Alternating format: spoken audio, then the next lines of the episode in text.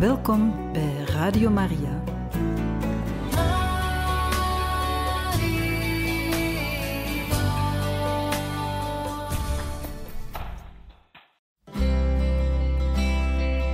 Welkom bij Boekat, een programma van Radio Maria.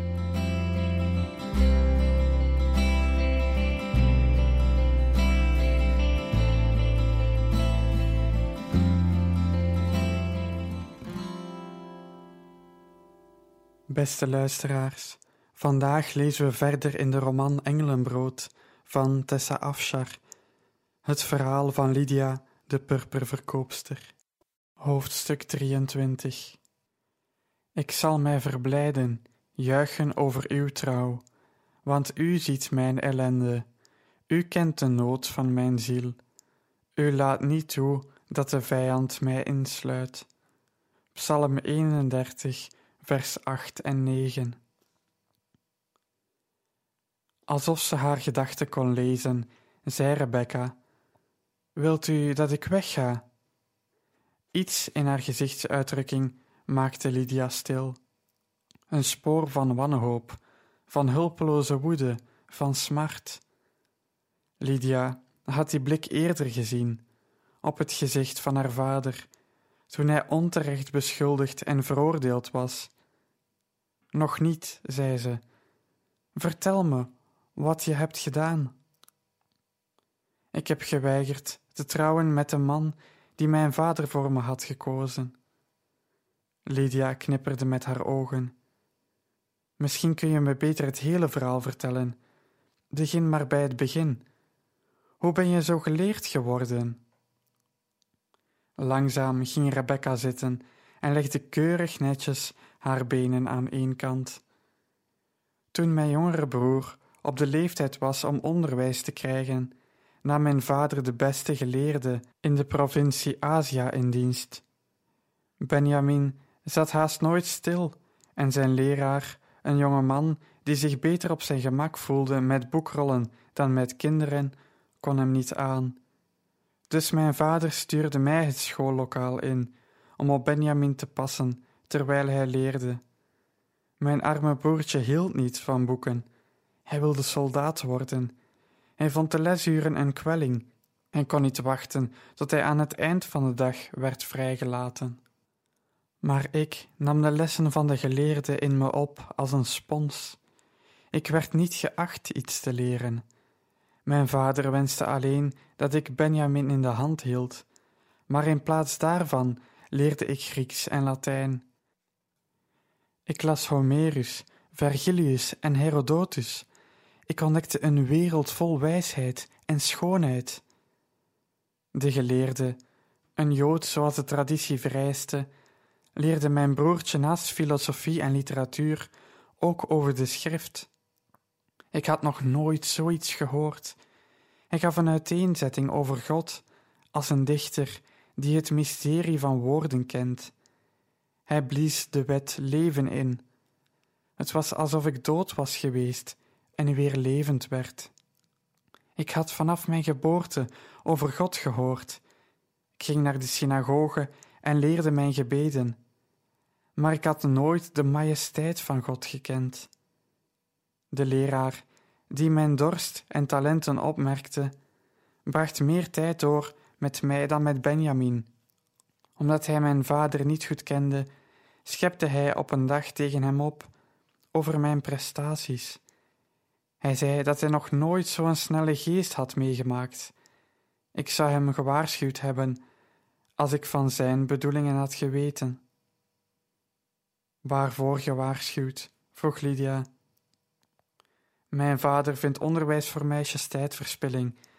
Erger nog, een gevaarlijke onderneming want de geest van een vrouw vullen met kennis ontaart een toch al minderwaardige ziel.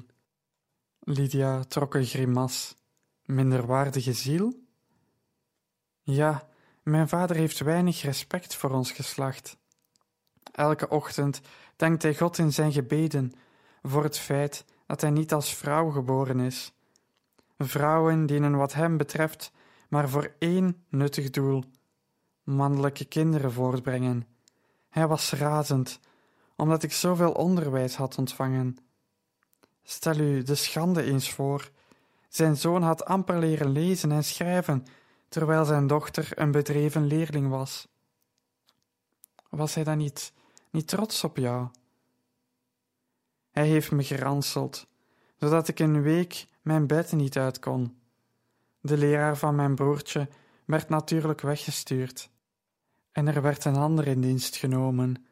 Daarna kreeg ik het bevel uit de buurt te blijven van het schoollokaal. Lydia kromp ineen. Wat erg. Het vertrek waar mijn broertje studeerde had een merkwaardige constructie. Erboven bevond zich een krappe kamer waar niemand graag naartoe ging, want het was er bedompt in de zomer en ijskoud in de winter. Het had maar één voordeel: geluiden uit de kamer van mijn broertje waren heel duidelijk hoorbaar. Niemand had op die eigenaardigheid gelet. Weinig mensen verbleven lang genoeg in het vertrek om het zelfs maar op te merken. Ik vroeg mijn moeder of ik daar een paar van mijn taken mocht uitvoeren: naaien, weven en stoppen. Je hebt vast nog nooit zo'n ijverig meisje gezien. Ik kwam die kamer uit met armen vol werk dat ik had gedaan. Natuurlijk hoorde ik op de achtergrond van mijn zeer vrouwelijke taken het nasale dreunen van de nieuwe geleerde. Ik leerde verder. De jaren gingen in vrede voorbij en ik was tevreden, al had ik weinig vrijheid. Er kwam een zweem van bewondering voor het meisje in Lydia op. Ze had zich niet alleen staande gehouden in de tyrannieke omgeving, ze had zelfs een manier gevonden om prettig te leven. Ben je ontdekt? Rebecca wrong haar vingers tot ze wit werden. Niemand heeft ooit geweten van de scholing die ik in het geheim heb ontvangen. Mijn leven veranderde door andere dingen. Vader had een vriend, Elihu, die soms bij ons op bezoek kwam en dan zijn vrouw meebracht. Elihu had een fortuin vergaard, maar hij had geen kinderen. Zijn vrouw Baila voegde zich bij mijn moeder en mij als ze op bezoek kwam. We pikkerden er niet over om ons onder de mannen te mengen. Ik kende haar niet goed, want tenzij erop aangedrongen werd, zei Baila bijna geen woord. Ze had iets over zich wat me deed denken aan een angstig dier. Haar ogen schoten bang heen en weer, en ze schrok op bij ieder geluid. Baila had vaak een ongelukje. Wat voor ongelukje? vroeg Lydia verward. Ja, ongelukjes? Ze had altijd blauwe plekken, omdat ze gevallen was of zich ergens aan had gestoten. Een keer had ze een blauwe plek op haar arm in de vorm van vier vingers. Ik vroeg of ze per ongeluk tegen iemands hand gevallen was. Haar man sloeg haar? Ja, heel erg.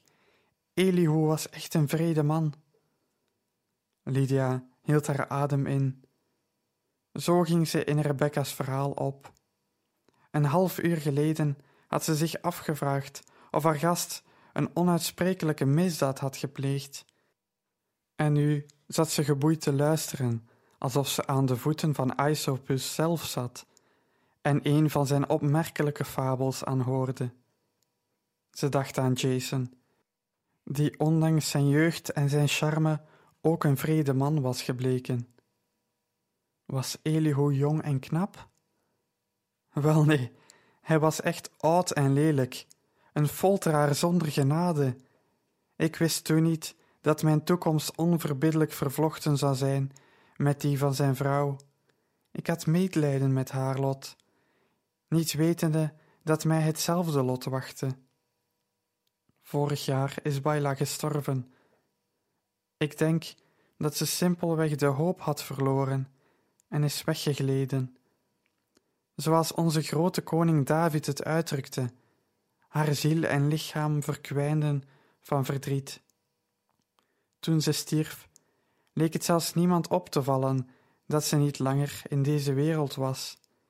Niemand treurde om haar, niemand miste haar. Elihu ging koortsachtig op zoek naar een nieuwe vrouw, een nieuwe kans om zoons te krijgen. O nee, fluisterde Lydia. Rebecca knikte. Ik kan niet zeggen waarom zijn oog op mij viel. Maar mijn vader had het huwelijkscontract al getekend, voordat hij zelfs maar met mij had gepraat. Lydia blies haar adem uit. Wist hij niet hoe Elihu zijn vrouw had behandeld? Jawel, hij wist het. Het maakte niet uit. Het huwelijk zou ons huis veel voordelen brengen, en mijn moeder stemde in, zoals ze altijd deed. Het werd stil in de kamer.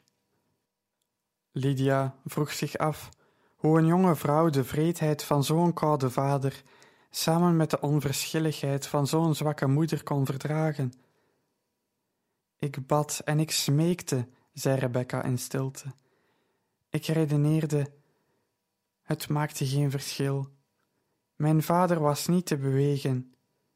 Uiteindelijk weigerde ik gewoon toestemming te geven. Hij had me in mijn werkkamer opgesloten zonder eten, omdat hij me wilde breken. Hij wist natuurlijk niets van de heimelijke troost die ik in dat vertrek ontving. Die week onderwees de leraar van mijn broer hem over de psalmen. Ik lag hongerig wakker terwijl het woord van God me overspoelde. Het gaf me moed en hield me overeind toen ik dacht in te storten. De Heer werd mijn voedsel, Hij werd mijn troost, Zijn woord werd mijn gebed. Op een ochtend riep ik na een slapeloze nacht in mijn hart uit: Mijn vijand is te groot voor me, Heer. Ik kan het gewicht van deze pijniging niet dragen. En op datzelfde moment, alsof het een antwoord op mijn stille gebed was, citeerde de leraar van mijn broer een psalm van David. Ik hoorde zijn stem in mijn kamer, zo helder als een engelenlied. Ik zal mij verblijden juichen over uw trouw, want u ziet mijn ellende, u kent de nood van mijn ziel, u laat niet toe dat de vijand mij insluit. Die dag wist ik dat God mij roepen had gehoord. Hij bekommerde zich om mijn verdriet. Ik wist dat Hij me zou verlossen. In het leven of in de dood zou ik de vrijheid in Hem proeven. De volgende dag wilde mijn vader me geeselen. Ik vertelde hem dat het weinig verschil maakte, want als ik erin toestemde om met Elihu te trouwen, zou mijn nieuwe echtgenoot me elke dag geeselen. Ik had mijn mond moeten houden, denk ik. Lydia dacht aan de moed die er voor nodig was geweest om tegen zo'n man in opstand te komen, en ze bekeek Rebecca met respect in plaats van met medelijden. Eumenes zou hoge achting hebben gehad voor dit meisje, dacht ze, omdat ze zoveel angst had getrotseerd, zonder ervoor te zwichten. En toen heeft hij je eruit gegooid? vroeg ze zacht. Rebecca knikte. Elihu was razend toen hij ontdekte dat ik niet met hem wilde trouwen. Mijn vader zei dat ik hem bij zijn vrienden te schande had gemaakt, gooide me het huis uit en zei dat ik een vreemde voor hem was. Maar hoe kwam je dan aan eten? Wel, de eerste weken bleef ik in de buurt van ons huis. Ik wist waar ze het afval bewaarden, voor ze het buiten de stad op de stortplaats gooiden, en de bedienden legden daar stiekem eten voor me neer. Ik dacht dat het mijn vaders hart zou verzachten als hij me zo zag, maar hij week niet. Na drie weken dreigde hij me te laten arresteren en in de gevangenis te laten gooien, als ik weigerde onze oude buurt te verlaten. Het was geen loos dreigement, want mijn aanblik was een schande voor mijn familie. Dus ik vertrok. Lydia schudde haar hoofd. Ik begrijp niet hoe je in leven hebt kunnen blijven. Rebecca glimlachte. Er was geen spoor van bitterheid in die glimlach, geen wrok. Hij bevatte een wereld van vrede, God heeft voor me gezorgd. Hij heeft me in zijn handpalm gehouden.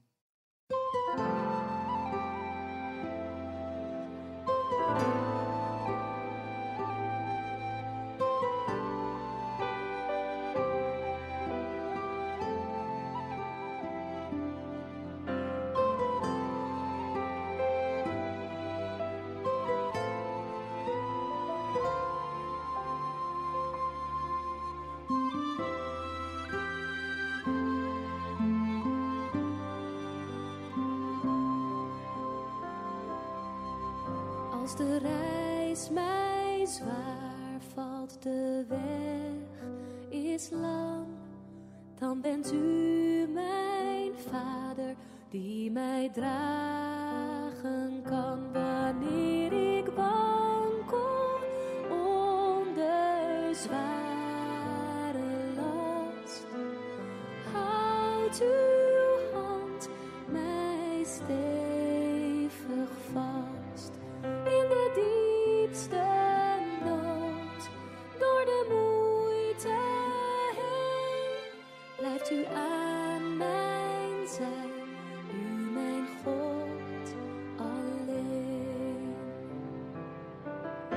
Met uw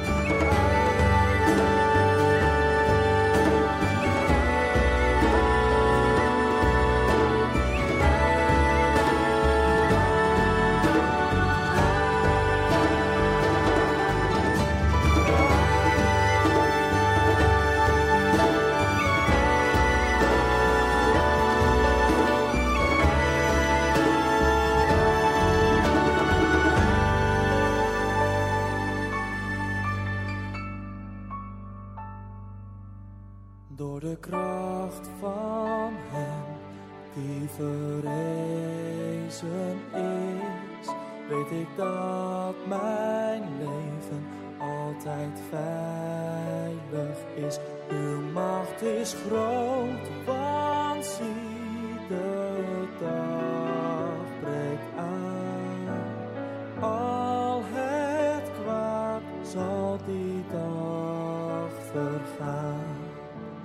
van hoop volbreng al uw werk aan mij. Laat mij naar uw huis, naar uw koninkrijk. God van hoop volbreng al uw werk aan mij.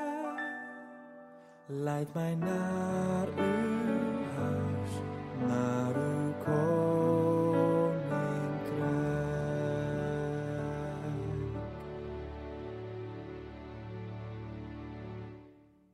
Hoofdstuk 24 Een vriend is je altijd toegedaan. Je broer is geboren om te helpen in tijden van nood. Spreuken hoofdstuk 17, vers 17 Hield hij je in zijn handpalm toen je vader je wilde dwingen om met een vrede man te trouwen? En toen hij je verstootte en zijn huis uitgooide? Ik wil niet oneerbiedig zijn, Rebecca, maar als dit een voorbeeld is van hoe de handpalm van je God eruit ziet, wel, dan zat ik liever onder zijn voet. Verbazingwekkend genoeg, lachte Rebecca. Hij bewaart ons niet altijd voor gevaar, maar hij bewaart ons in gevaar. Ik heb lijden meegemaakt, maar mijn hart voelde zich veilig in zijn onwankelbare liefde. Lydia knikte langzaam. Ik denk dat ik begrijp wat je bedoelt. Mijn vader was zo. Hij kon me niet altijd beschermen tegen het kwaad. Maar ook toen onze familie door rampen werd bezocht, wist ik dat ik veilig was, zolang ik zijn liefde had. Heeft uw vader gezegd dat hij van u hield? Ja, vaak. Ik kan me niet indenken dat mijn vader zoiets tegen me zou zeggen. Ik denk dat zijn kaak zou breken als hij het probeerde. Bij stilzwijgende overeenkomst bracht Rebecca de volgende nacht door in het huis van Artereus en de volgende. Je kunt evengoed de hele week blijven. Ik kan mijn reis niet regelen voordat de karavaan-eigenaar terugkomt, zei Lydia. In de uren die ze met elkaar doorbrachten, vertelde Lydia haar eigen verhaal aan haar gast. Ze hield niets voor zich, zelfs niet de schaamte voor haar onbeantwoorde gevoelens voor Jason. God heeft ons beiden bewaard voor heel slechte mannen, zei Rebecca.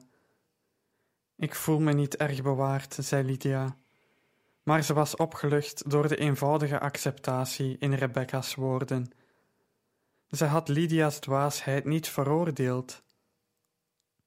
We hebben allebei ons huis en onze familie verloren. We zijn allebei losgeslagen van alles wat we kenden, zei Rebecca. Misschien wachten ons, die nu ellendig zijn, betere tijden. Vergilius, alweer? Moet je niet dichters en filosofen van je eigen volk aanhalen? Rebecca glimlachte. Wees niet bang, je zult niet worden beschaamd. Wees niet bedrukt, je zult niet worden vernederd. Je zult de schande van je jeugd vergeten. Dit is uit de profeet Jesaja. De woorden van de profeet droegen een kracht die zelfs aan Virgilius' proza had ontbroken, moest Lydia toegeven. Ze bevatte een belofte die haar hart doorboorde als een scherpe pijl. Want schaamte en schande hadden haar niet verlaten sinds haar laatste ontmoeting met Jason. Zou er een dag komen waarop ze vrij was van hun scherpte? Maar is die belofte niet alleen voor jouw volk? vroeg ze. Rebecca gaf niet meteen antwoord. Ik denk, zei ze na een lange stilte, dat het een belofte is voor allen die God zoeken. Aan het eind van de week ging Lydia weer naar de markt, op zoek naar de karavaan-eigenaar. Dit keer ging ze niet alleen. Rebecca volgde haar als een trouwe bediende die vanaf haar kindertijd bij haar was geweest. Maar er zat ook een nare kant aan. Elke dag voelde ze een diepere verbondenheid met het meisje. Het leek haar dat Fortuna een ware vriend in haar leven had gebracht, op het moment dat al haar banden verwoest of verloren waren. Voor ze Rebecca ontmoette, was Lydia verdronken in een oceaan van duistere isolatie, geteisterd door de uiterste eenzaamheid van haar leven. Haar vader had haar gevraagd opnieuw te beginnen, om een nieuw leven op te zetten. Hoe moest een vrouw alleen zoiets voor elkaar krijgen? Ze kon verslonden worden door de drakentanden van wel duizend ongelukken, voordat ze zelfs maar in Filippi aankwam. Angst verteerde haar als een razend vuur als ze eraan dacht. Rebecca had naar wereldse maatstaven niets te geven, geen fortuin, geen bruikbare connecties, geen stabiliteit, maar ze bood een schat die groter is dan dat alles. Ze bood trouw en vriendschap. Ze droeg een diepe bron van wijsheid met zich mee, die een onzekere ziel kon ankeren aan iets dieps en veiligs. iets wat ze de Heer noemde. Maar Lydia dacht dat het Rebecca zelf was. Lydia hield haar pas in toen ze besefte dat iedere stap naar de markt een stap dichter was bij het verlies van Rebecca. Erger nog, ze veroordeelde Rebecca tot een onvoorstelbaar leven van ellende. Wat moest er van haar worden als Lydia weg was? Hoe lang zou ze het uithouden, teruggeworpen in de straten van Thyatira? Ze waren allebei stil en worstelden met zorgen waar geen oplossing voor was. Toen ze de eigenaar van de karavaan vonden, vroeg Lydia wanneer ze de volgende groep reizigers zouden vervoeren. Over een week, zei de man met een mond vol dadels. Ik kan u naar Troas brengen. Daar vandaan moet u zelf een schip regelen naar Neapolis. Maar ik kan u de mannen geven van enkele goede kapiteins en betrouwbare vaartuigen. En hoeveel kost dat? vroeg Lydia. Een fortuin, dacht ze toen ze het bedrag hoorde. In haar hoofd telde ze de bedragen op: de prijs van de karavaan naar Traos, plus de bootreis. En toen verdubbelde ze het bedrag: de kosten voor twee passagiers in plaats van één. Ze had zorgvuldig bijgehouden hoeveel geld en waardevolle spullen ze over had. Ze wist tot op de laatste koperen munt hoeveel ze had. Als ze alles verkocht, behalve de waardevolle gereedschappen van haar beroep, kon ze de overtocht voor twee betalen. Maar daar kwam ze in Filippi aan met niets, niets om een kleine werkplaats mee op te zetten. Ik koop twee plaatsen in uw karavaan, zei ze. Toen Rebecca ontdekte wat Lydia had gedaan, werden haar ogen rond, niet van verwonderende blijdschap, maar van afschuw. Nee, mevrouw, zo'n offer mag u niet brengen. U mag uw toekomst niet in gevaar brengen, omwille van mij. Dat mag ik wel, als ik het wil, zei Lydia, en ze klemde haar kaken koppig op elkaar. Eerlijk gezegd had ze sinds ze het besluit had genomen meer vrede gevoeld dan in vele weken. Een groot deel van haar leven had ze voor haar vader gezocht. Nu hij er niet meer was, voelde ze zich losgeslagen en onzeker. Rebecca bood niet alleen vriendschap, ze verschafte haar ook een doel. Een ander mens om voor te zorgen, een ander leven om te beschermen. Mevrouw Lydia, hoe zou ik met mezelf kunnen leven als uw toekomst werd verwoest omwille van mij? Je onderschat jezelf, ik heb je hulp nodig. Ik kan niet alleen een werkplaats draaiende houden. Ik zal je mijn vak leren. Jij wordt mijn leerling. Je bent intelligent genoeg om me op wel honderd manieren te helpen. Intelligentie kun je niet eten, zei Rebecca scherp. Geloof me, ik kan het weten. Lydia glimlachte. Bij mij wel. Toen Artreus die avond van haar besluit hoorde, noemde hij haar overhaast en zei dat ze haar verstand verloren was. Hoe moet je de kosten van een nieuwe werkplaats dragen als je nog zo weinig geld over hebt? U hebt mij geholpen, omdat mijn vader u heeft geholpen, zei Lydia. Nu is het mijn beurt om een ander te helpen. Je moet beweren dat je weduwe bent, adviseerde Artreus toen de dag van hun vertrek naderde. Want zelfs de schaduw van een dode echtgenoot verschaft wat bescherming en grote vrijheid als je in Filippi aangekomen bent. Voor een ongetrouwde jonge vrouw gaan niet veel deuren open. Wie heeft er ooit iets gehoord van een jong meisje in de handel? Dat wordt niks. Zelfs niet als ik als je voogd een aanbevelingsbrief schrijf. Niemand zou vertrouwen hebben in wat je produceert. Een denkbeeldige dode echtgenoot verschaft je tenminste een zekere mate van achtenswaardigheid. Lydia zag Rebecca's gezicht. Ze mogen niet liegen van hun God, zei ze tegen Artreus. Dit telt niet als een leugen, protesteerde Artreus.